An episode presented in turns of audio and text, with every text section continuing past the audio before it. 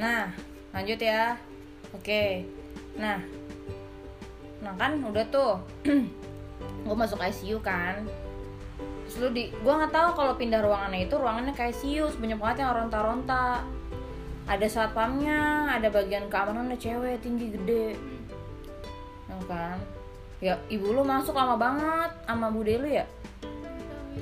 Sama bude lu.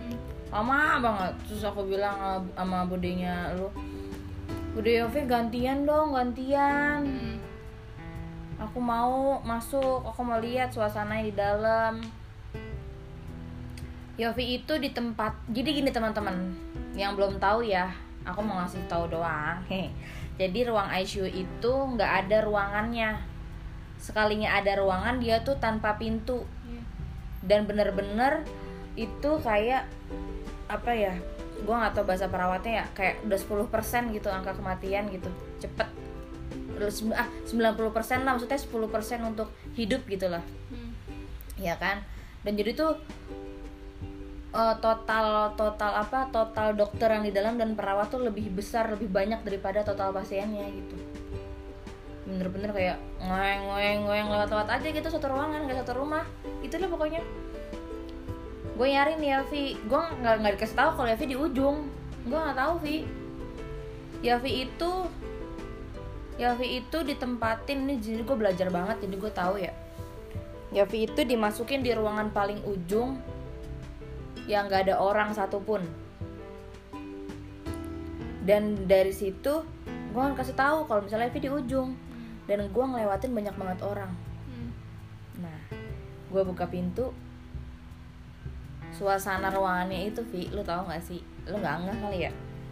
Itu asap full. Asap. kayak apa ya Vi? Kayak uap yang gue bilang itu. Hmm.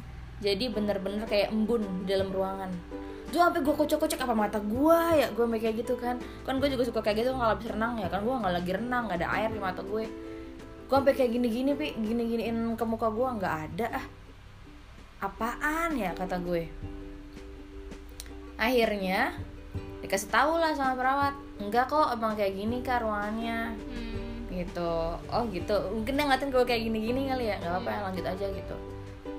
Nyari siapa? Teman saya. Ya udah cari yang baru datang ya biasanya taruh di ujung gitu.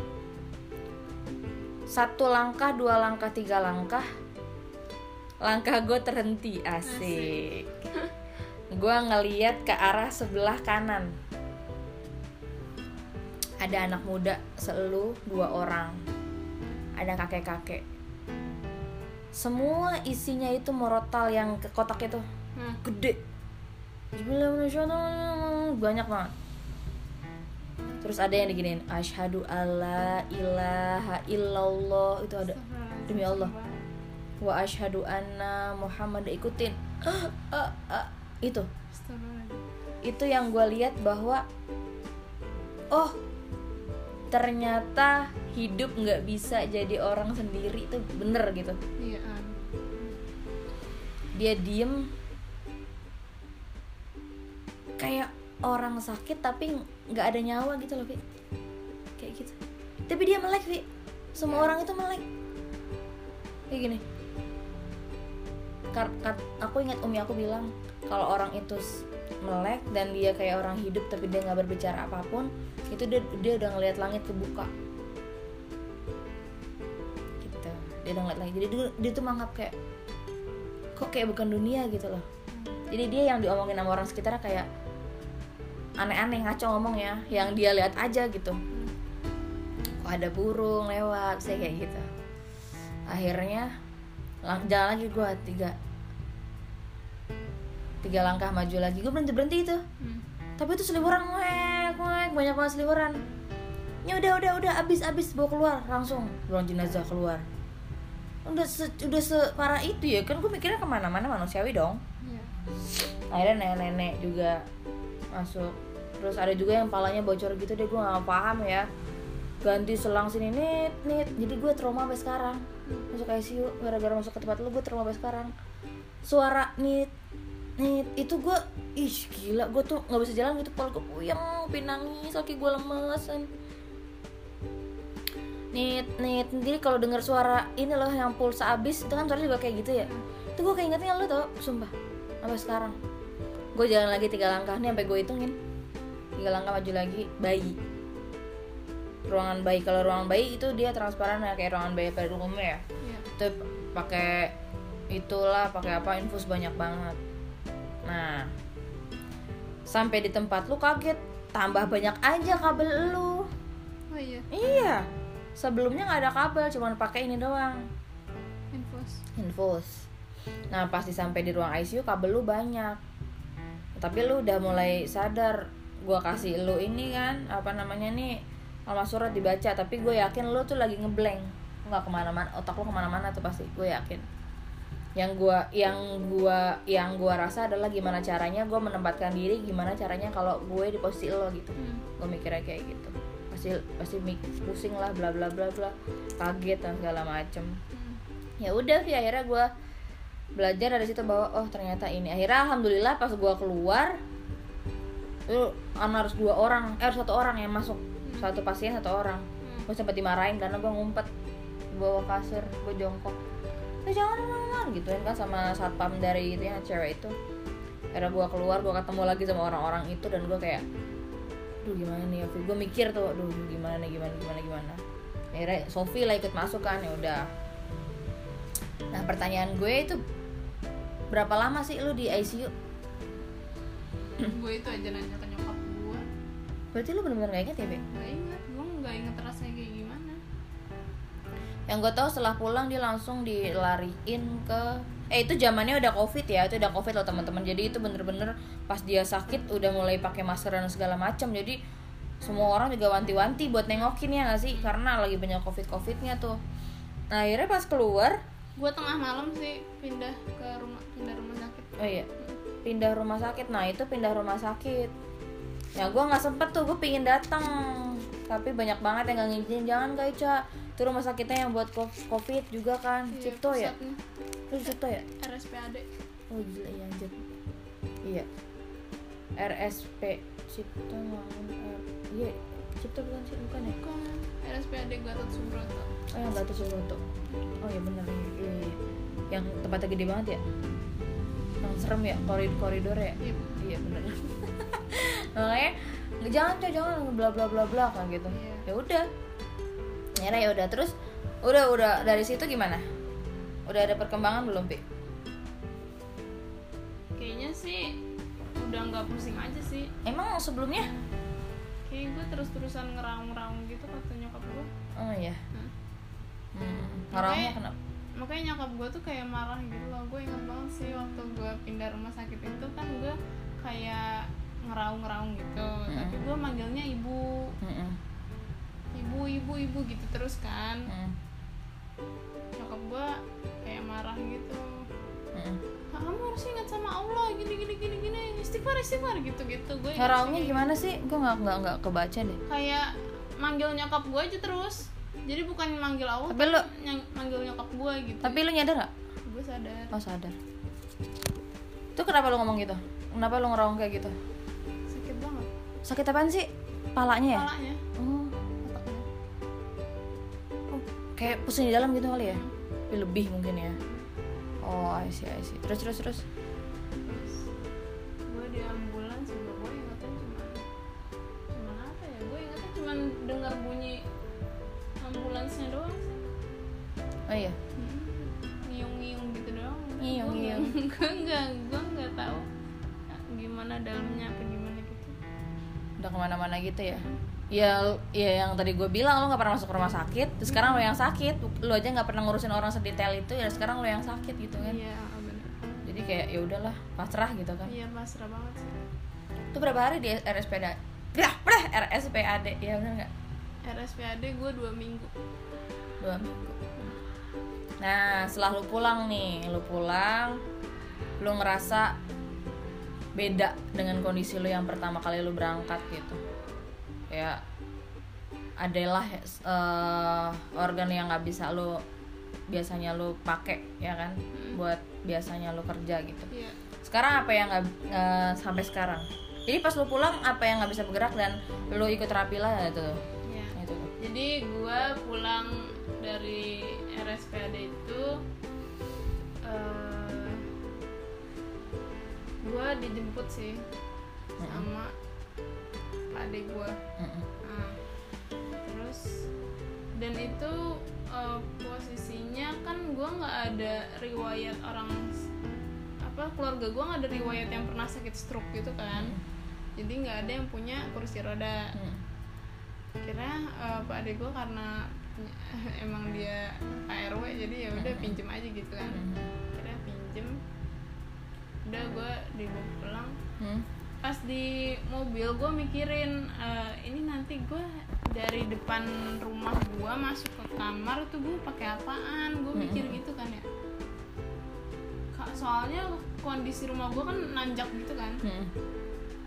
nah itu pas itu gue kaget banget sih. Gue turun mobil tuh kayak nggak bisa digerakin apa badan gue ya Hmm. kan jadi tuh rasanya tuh berat banget gitu loh badan gue. Soalnya kan separoh setengahnya kan kayak kayak mati kayak rasa. ditahan gitu sama orang gitu ya. Kayak kayak gendong orang lah gitu digelayotin terus. Mm, mm, Sama kayak gitu.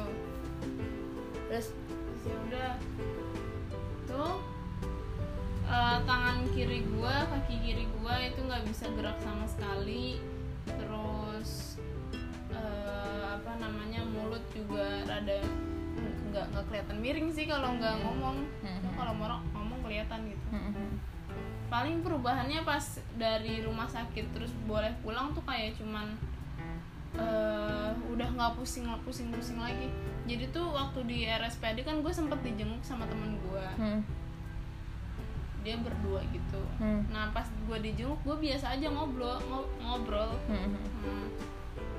ketawa-ketawa biasa malamnya gue pusing Oh itu yang mengakibatkan. Iya gue sempat mau ke, ke, ke rumah sakit kan juga sempat dilarang kan? Itu gara-garanya itu. Lu nggak boleh ke si- ke jenguk gue gitu. Hmm, hmm, hmm. soalnya takut pikiran. Hmm, oh berarti bisa jadi karena pikiran ya? Orang Otak soalnya. kan sebenarnya apa ya permasalahan apa penyebab dari sakit gue nih kayaknya sih stres sih faktor stres. Oh gitu? Mm. Soalnya waktu ditanya pernah jatuh atau enggak terus kecelakaan apa gimana pernah kebentur atau enggak kayak gitu gitu kan enggak gue enggak enggak kayak gitu. Gue pernah jatuh pernah Tapi ditanya kepala. gue pernah jatuh tapi gue nggak pernah jatuh kena kepala gitu kan akhirnya. Kira itu ngaruh juga ya lah. kalau misalnya jatuh juga bisa ngaruh ya? Mm-mm. oh. Kan kalau jatuh kena kepala kan pendarahan. Di dalam tapi nggak langsung efeknya. Oh I see. ya ya ya ya lanjut lanjut. Terus? Akhirnya nggak apa-apa nggak nggak pernah ngalamin semuanya. Terus? Nggak pernah ngalamin semuanya. Nggak pernah ngalamin kayak kebenturan gitu Ah, jadinya iya. lu nya Jadinya- ngejelasinnya jadinya si dokter ini kan awalnya rada bingung gitu kan. Hmm. masa masalahnya kenapa gitu? Baru ngomong lupa. Lucu lu lanjut lanjut. Terus di inilah gue kayak di MRI gitu. Kalau scan kan masih luar apa ya Hmm. masih bagian makronya gitu. Hmm. kalau MRI itu udah mikronya gitu loh udah yang Hmm. kecil-kecilnya gitu kelihatan. Nah ternyata Detail. terdeteksi lah bahwa gua ada kelainan gitu dari lahir. Masa? Pembuluh darah gue tipis. Oh jadi gampang. tahu. Ah, ah, gimana cara taunya gue tanya? Iyalah iyalah kan jadinya itu pembuluh darah gue tipis yang bisa apa ya kalau kapan aja tuh bisa pecah gitu loh. Dan saat itu pecah gitu. Faktor stres.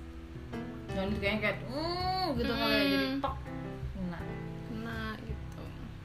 Iya iya iya iya. Yang gue tangkap sih itu sih dari dokter. Oke. Jadi sampai sekarang apa nih yang belum sekarang gue merasakan bahwa tangan gue masih berat sih. Tangan doang? Tangan eh, kalau kaki udah lumayan enak kan? Udah mulai terapi terapi banyak ya? Mm-mm. terapi gue juga nggak di rumah sakit. Selama gue di rumah gue nggak pernah terapi ke rumah sakit. Jadi gue eh, kontrol itu cuman cuman dua kali. Mm. eh enggak tiga kali. Gue kontrol tiga kali. Yang pertama kontrol di RSPAD itu juga kayak cuman gitu dah nggak jelas banget mana gue muntah lagi di jalan sih? masih bawaannya masih pusing gitu kalau di jalan di mobil Padahal sebelumnya nggak pernah kayak gitu. Hmm, Wow. iya kayak Sip, sip, sip. terus gue kontrol pertama di rumah sakit RSPAD terus katanya karena gue RSPAD itu dirujuk Mm-mm. bukan karena gue dari rumah langsung ke RSPAD gitu UGD-nya bukan. Mm-mm. karena dirujuk itu jadi eh, gue kontrol kedua kontrol selanjutnya gue harus ke rumah sakit sebelumnya. Gitu ya udahlah. Nah pas itu kondisinya kan lagi covid ya bener-bener lagi ekstrim banget kan psbb gitu. Terus gua waktu kontrol kedua itu di rumah sakit yang sebelumnya itu pulang-pulang gua ngerasa kayak kok gue sesek ya? Gimana ya? Kayak mindset aja sih gue takut banget gua kena covid gitu kan. Kok gue kok gue kayak sesek gitu sih malam-malam tuh. Kayak nggak bisa tidur sesek napas gitu-gitu kan. Gue nge ngebayanginnya udah aneh-aneh dah kayak gitu. Iyalah pasti. Hmm, terus eh, akhirnya gue bilang ke nyokap gue gue aku nggak mau kontrol lagi di rumah sakit takutnya aku malah kena itu kan covid akhirnya ya udah pasrah deh itu selama di rumah bener-bener kan awal awal awalnya kan nggak bisa ngapa-ngapain tuh bener-bener kayak di kasur aja semuanya gue gua ngelaksanain di kasur gitu Benar-benar berbanding balik dengan lo yang nimpalin kan ke mana-mana gitu iya ya. ah, bener-bener Bisa diem. bener-bener gue di kasur doang Oh. diem aja tiduran doang duduk juga duduk juga Usaha. belum bisa Usaha juga. waktu ya. itu gue duduk belum bisa Aduh. Nggak bayangin gua. Kalau gue yang yang jadi tuh kalau duduk gue pusing. Aduh. Mikir lagi gitu kalau untuk mau duduk juga mikir lagi daripada gue pusing udah gue di mana gini gitu. Itu pegel gak sih pi? Tidur gitu. Pegel lah. Orang gue itu kan saking capeknya ya kayak tiduran terus gitu. Hmm. kan kata susternya waktu di rumah sakit itu boleh lah miring-miring gitu kan. Hmm. tapi gue lebih nyaman miring ke kiri. Karena kayak kan hamil berat ini kan yang yang apa sih? Yang Iya. berat kan yang kiri. Oh jadi biar nggak nopang nggak keberatan. Ah, jadi yang kiri di sih bawah. Anjay? Gue ngerti. Iya. Nggak sih? enggak dong harusnya yang kanan dong tapi gue nggak tahu Tapi tapi, tapi gue tuh nyamannya lebih miring ke kiri. Lah. Gue nggak ngerti deh. Oh iya mau lu spesies langka. Nggak ngerti deh.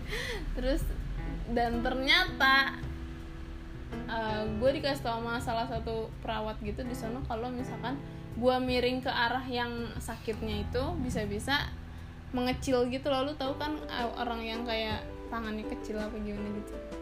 Oh. Tuh sebabnya karena itu. Apaan sih? Maksudnya? Kayak lu salah tidur gitu loh. Kalau misalkan kayak gue nih kayak gue misalkan nih ada orang yang tangannya kecil atau kakinya kecil gitu. Hmm. terus sebelumnya setruk. Jadi tuh bisa jadi karena eh, dia waktu tidur miringnya ke arah yang dia sakit gitu loh. Jadi ketiban terus gitu. Ngaruh ya? Gue gak ngerti kata susternya gitu sih. Nggak sip, sip. Oke, itu capek banget sih gue oke. Nah, kesimpulannya adalah gue pengen tahu buat teman-teman juga yang punya sakit stroke, even itu lebih parah atau Hmm. bisa lebih nggak parah dari Yafi. Ya bukan parah sih ya, semua juga punya ujian masing-masing Iya, gitu kan. benar. Proses hidup tuh emang kayak gitu gitu. Kita nggak tahu nanti apa kita nanti kita juga bakal ngadepin kayak gitu gitu kan ya. Hmm. pesan Yafi apa sih buat teman-teman yang misalnya menderita atau enggak yang enggak menderita atau lagi nggak sakit gitu pesan Yafi apa sih biar buat jiwa mereka juga gitu pesan gue pertama untuk semuanya sih untuk semuanya oke Ah, jadi eh, apa ya? Me- memanage stres tuh maksudnya memanage mental lu tuh kayak gimana tuh penting banget sih. So- soalnya gue waktu waktu pas lagi sebelum sakit itu bener-bener kayak mental gue lagi down banget gitu loh. Terus kayak bener-bener stres sana sini gitu tekanannya lagi banyak gitu. Dan gue emang biasa nggak pernah kayak gitu maksudnya gimana ya? Gue kayak stresnya tuh tiba-tiba gitu loh. Mood. Karena karena banyak tekanan jadi jadi kayak mood kan. Mm-mm, iya iya iya. Kayak gitu jadi gue pesannya sih eh, pinter-pinter memanage itu sih mental lu terus ke, apa kesetresan lu. Karena gue mikir waktu itu tuh kayak enggak sih apaan sih stres lagi gue lu tuh jangan mikir kalau diri lu tuh nggak bisa stres gitu. Kalau diri lu tuh nggak bisa depresi tuh lu jangan mikir kayak gitu. Jadi ada pasti ada satu sisi lu kapan mbak? Lu bisa kayak depresi banget gitu. Dan lu kalau lagi kayak gitu harus banget cerita sama orang sih. Jangan lu pendem sendiri. Karena gua tipe anak yang bener-bener kayak semua tekanan gue pendem sendiri sih. Itu mas itu Oh, jadi cara faktor manage, dari cara manage-nya itu cerita. cerita sih. Itu cerita penting banget. Walaupun sekecil apa pun ceritanya gitu maksudnya cerita aja. Iya. Ada tips nggak gimana cara milih orang yang buat cerita atau ada yang udah nggak ada orang tuanya? Atau kalau punya orang tua pun ternyata nggak bisa dipercaya buat cerita bukan nggak saya percaya ya Mhm. kayaknya belum pede gitu buat Iya. ngungkapin sama orang tua itu gimana? Kalau lu? Kalau gua Buat cari temen terdekat lu dulu sih. Kalau misalnya lu merasa temen deket lu itu bikin lu nyaman ya udah lu cerita aja sama dia. Tapi kalau emang lu nggak bisa nyaman sama dia misalkan dia eh, nanggepinnya malah negatif lu jangan cerita ke dia. Gitu. Yang penting lu cari orang yang kayak menurut lu dia itu mau menanggapi lu secara positif gitu loh. Biar lu eh, bangkit lagi moodnya. Biar lu nggak stres lagi gitu. Nah. kalau lu ditanggepinnya negatif Nah, itu malah malah bikin down lagi. Nah, kan kalau anak sekarang kan banyak ya teman deket ya. Hmm. cerita sama siapa aja gitu kan. Apalagi orang kayak extrovert kayak gue kan. Kan kita Hmm. nggak tahu ya. Hmm. banyak cerita di mana-mana gitu. Tapi kalau gue kan bukan tipe orang yang kayak pribadi di sebar Diumbar. ke mana-mana kan. Ada juga orang kayak gitu kan. Kayak susah banget kayak hidupnya gitu ya di snap gitu Iya. kan. Ada kan anak zaman sekarang ya. Itu nggak apa ya pribadi masing-masing. Nah menurut Yavi nih gimana caranya sih eh, milih teman dekat teman dekat boleh banyak tapi Iya. ah, gimana sih cara milih orang yang buat cerita satu atau dua orang gitu? Gimana ya? Gue ya sih kalau gue tuh anaknya apa ya? Kalau udah nyaman dari hati ke hati gitu loh. Beda tuh, aja rasanya. beda aja rasanya. Gue emang punya temen deket tuh banyak. Cuman ya kalau misalkan gue cerita sama dia nyaman gitu bikin gue nyaman enak enjoy aja gue ngerasanya ya udah itu berarti teman paling deket gue gitu loh yang bisa gue cerita apa pun ke dia gitu kalau bisa sih emang eh, saudara dulu sih misalkan saudara terdekat ngerti saudara gitu, terdekat. Uh-uh. Ngerti. kalau bisa saudara kandung kalau misalkan lu emang punya saudara kandung banyak itu mending lu eh, cerita sama saudara dulu karena saudara Saudara itu saudara. Uh-uh, saudara dia nggak akan me- apa mengumbar rahasia lo gitu walaupun eh, lo sama dia tuh apa pun dia, uh-uh, iya, iya, benci iya. gitu loh. Iya. karena gimana pun itu saudara lu gitu. Lagi-lagi darahnya sama ya Iya, dar- darah uh-uh, daging bener. gitu. Kalau temen tuh kan bisa bisa apa ya? Bisa licik lah tiba-tiba Iya. kayak gitu. Cerita lu tiba-tiba diumbar lah. Iyalah pasti. Apalagi sekarang zaman medsos kan. Kayak gampang lo juga bisa diprivasiin dari lo. Ya Iya, itu kan ah, orang-orang kayak gitu kan banyak. Hmm.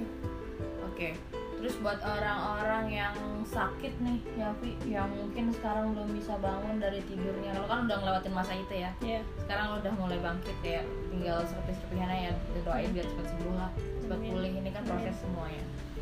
Nah ada mungkin ada seperti orang-orang atau ada mungkin banyak yang kita Hmm. nggak tahu nih di mana orang-orang ini. Dan dia ternyata selama berbulan-bulan mungkin lebih 9 bulan atau setahun bertahun-tahun belum bisa bangun dan sebelumnya dia tuh aktif. Apa sih pesan dari lo buat dia yang lo pernah lewatin kan pertama sih semangat sih. Maksudnya lu kalau yakin lu sembuh lu pasti sembuh sih. Nah, pertama itu yakin dulu sih. Gue juga emang gue belum sembuh total. Cuman emang eh, dari mindset gue gue mikir kayak gue pasti sembuh gitu. Bahkan gue tuh udah ngebayangin kayak nanti gue bisa ke mana-mana lagi kok kayak gitu. Loh jadi lu pikir aja kayak yang positif positifnya aja hmm.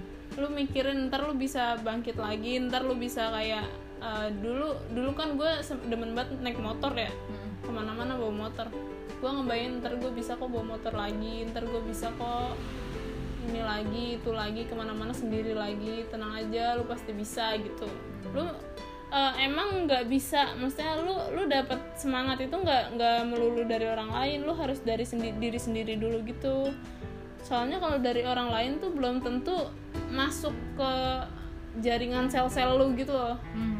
kalau lu dari diri sendiri tuh bener-bener kayak yang Obatnya mungkin itu ya, dari lu ha. sendiri sebenarnya bukan Iya, pil. obatnya tuh itu. Iya bener ya. Obatnya itu positifnya lo. Terus energi, energi positif. Eh, eh, di saat maksudnya lu boleh kayak tiba-tiba kayak mikir gue nyerah nih sama kehidupan gue gue gua gua udah nggak sanggup lagi ngejalaninnya.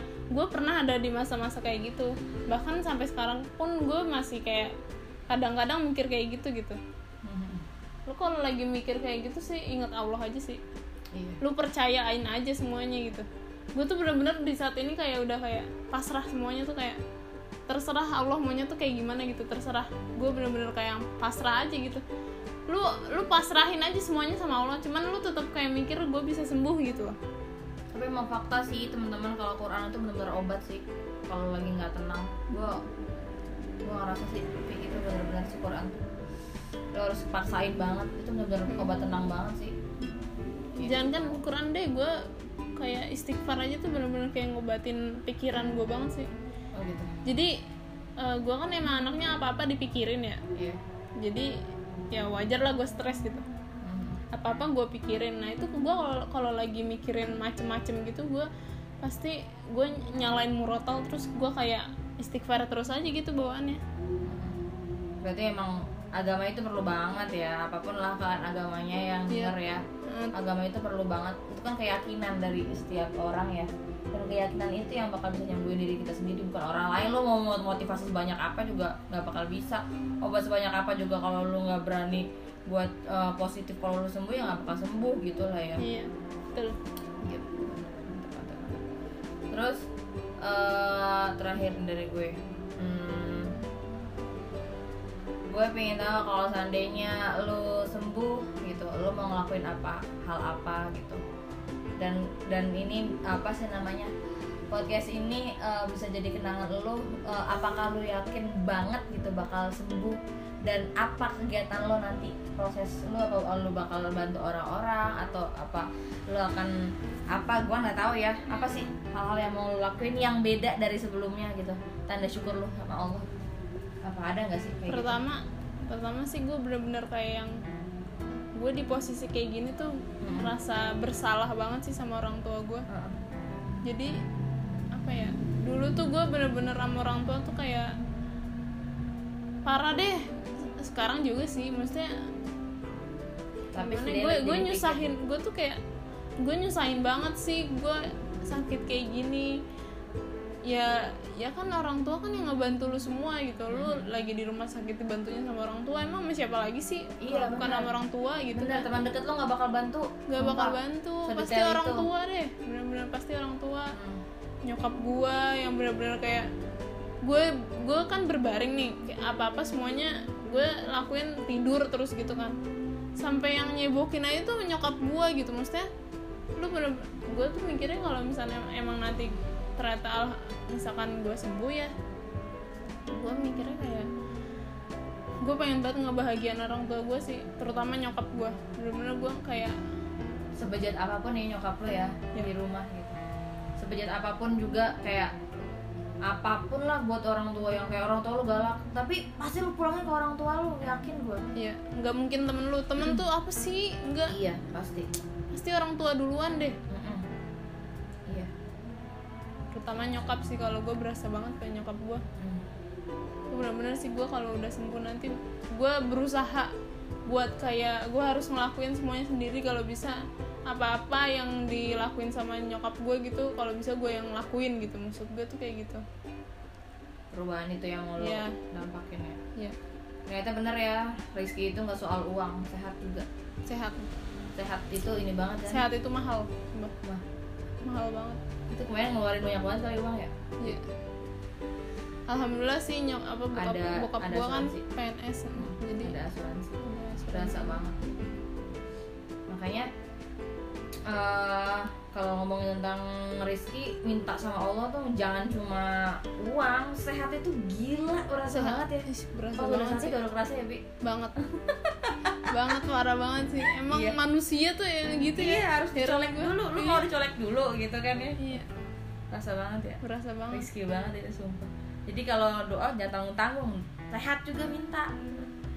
Bersyukur banget sih kayak apa ya eh, lu bisa ngeliat sampai saat ini gitu. Terus lu masih bisa ngomong masih bisa makan masih bisa hal-hal yang kecil kayak gitu lu harus lu, lu syukurin gitu loh. Hmm, kayak gitu. Ma, sehat tuh mahal banget sumpah hal-hal kayak yang lu biasanya bisa ngerjain tugas lu biasanya ngampus lu biasanya jangan itu deh kamar mandi. Iya deh ya Allah. Ya Allah gue nggak bisa kamar mandi astagfirullahaladzim. Masih bantu. Astagfirullahaladzim Gus. kamar mandi yang kayak sekarang dulu kita nahan-nahan lalu habis ntar ntar ntar ya. Iya. Sekarang habis kita nggak maksudnya bisa nahan tapi kayaknya kita pikir dulu orang tua kita ngapain ya. Kalau gue gini karena gue lagi masa pemulihan nih sekarang bener-bener gue tuh harus yang setiap pagi BAB harus wajib banget. Itu lu sendiri yang pingin apa emang harus emang harus kayak gitu. Oh. jadi tuh BAB tuh ngaruh banget sih. Jadi kalau misalkan BAB tuh per- pengaruh buat kesehatan juga gitu loh ternyata. Oh. jadi jangan suka ngeluh tuh kalau pagi-pagi eh, Hmm. panggilan alam jangan ngeluh. Iya sih itu Allah kasih itu gue dulu begitu ya astagfirullahaladzim. Gue karena saking seringnya BAB tiap pagi jadi kayak setiap udah siap berangkat tiba-tiba sakit perut tuh gue kayak Aduh, emosi gitu. Sebel banget. Karena ada yang manusiawi gue pun juga udah rapi ya nggak sih? Iya udah rapi. harus ganti dulu copot. Belum Sebel lagi yang jaga kan? wudhu. Ya kan Iya. kan orang yang jaga Ya Allah. harus wudhu lagi gue udah bedakan gitu kan? Oke. Oke paling sampai sini dulu karena udah panjang waktu udah berapa menit. Kita udah bikin tiga episode sampai mudah-mudahan teman-teman bisa kalau ini bisa dari episode yang satu dua juga harus didengerin biar tahu prosesnya. Terus buat jadi buat bahan acuan juga mudah-mudahan dengerin juga yang dengerin jadi bermanfaat dan Yevi jadi berpahala banyak. Amin. Semoga cepat sembuh ya Vi nanti kalau udah sembuh kita bikin lagi podcast perjuangan sembuhnya gimana. Harus diceritain. Iya. tapi gue yakin sih sembuh karena cepat banget prosesnya woi dari lu nggak bisa tak tak tak tak tak tak kalau gue Enam bulan. cepet banget prosesnya sih mungkin ada yang lebih cepet dari gue Nah, nah, nah. gue bersyukur kalau misalnya emang itu ternyata cepet cuman gue ngerasa kayak masih lama aja sih gitu karena mungkin lagi disentil sama Allah kayak Iya. sentil-sentilan kecil Hmm. ini masih kecil loh belum dikasih bener-bener yang kayak cacat permanen tiba-tiba nggak bisa lihat oh, hmm, ada kan yang kayak gitu Kayak gitu. Tiba-tiba harus diamputasi kecelakaan teng itu bener-bener udah seumur hidup langsung sejalan ya nggak? Iya. kalau ini kan masih dikasih ikhtiar semua masih berjuang selama prosesnya disuruh doa selama prosesnya selalu berbakti sama orang tua selama prosesnya? lu Allah tuh masih kayak nyentil lu kalau belum berubah belum dulu deh coba lu berubah dulu sama nyokap bokap lu. Kalau belum enggak mungkin gitu kan. Tapi mungkin sekarang tinggal yang perintil-perintil doang kayak tangan ya kan terus eh, kamar mandi mungkin sedikit demi sedikit bisa biar bisa sendiri. Gitu. Oke. Terima kasih dan semangat terus buat yang di sana buat sakit apa pun. Even nggak cuma stroke doang mungkin ada yang kanker tumor. Itu lebih serem lagi sih. Mm-mm. Ingat loh teman-teman, pokoknya semua proses itu dijalanin aja, anggap jadi penggugur dosa kalian yang sebelumnya pernah numpuk banyak. dibawain Iya kan? Karena kadang doa pun kita Allah masih mikir lagi kamu bakal ngelakuin lagi nggak ya kan? Kalau dengan kayak gini kamu jadi ngurang-ngurangin hal-hal yang kayak misalnya orang tua lagi ngomong lu cabut, sekarang kan lu nggak jadi gak usah cabut. lu harus stay diem dan dengerin dan kayak kalau lu kesel cuma bisa istighfar ya Allah kembaliin lagi ini gue mau cabut nyalain lampu aja kagak bisa ini. Nah kayak gitu sih teman-teman. Makanya bersyukur dan tetap semangat jalanin prosesnya positif terus. Tuhan nggak akan ini kok nggak akan diem. Lagian juga toh kalau lu seandainya nggak ada pun dalam kondisi sakit lu ketemunya ke Tuhan ada kehidupan lagi udah lu nggak tamat kok gitu aja. Dan siapa tahu dengan cara lu sakit lu jadi masuk masuk surganya Allah karena karena apa sih karena apa ya? Karena sakit lu eh karena apa? Karena dosa lu berkurang gara-gara sakit. Mungkin kalau lu nggak sakit terus tiba-tiba lu die ya kita nggak tahu lagi kan itu kan apalagi kan beda lagi. Paling gitu aja sih cepat sembuh buat semuanya yang sakit. Nggak sembuh jasad doang tapi sembuh jasmani dan rohaninya. Hatinya tuh lebih perlu sih ya. Ya. gitu dan bisa diambil pelajaran yang banyak banget. Oke terima kasih ya Yafi ya cepat sembuh ya Yafi iya. Mau terima kasih nggak sama orang yang udah doa doain tuh terima teman-teman? kasih semuanya yang udah doain aku selama ini. Udah. Support. Maaf kalau belum bisa datang Iya. karena kemarin kan emang Yafi bukan nolak tapi emang masanya lagi covid. Iya bener. Mm-mm. saling apa ya? Gue blank tiba-tiba dah saling mendoakan aja iya Oke. aja sip sip sip oke thank you bye semuanya Bye. thank you Yafi Thank you. assalamualaikum warahmatullahi wabarakatuh Salam warahmatullahi wabarakatuh. bye bye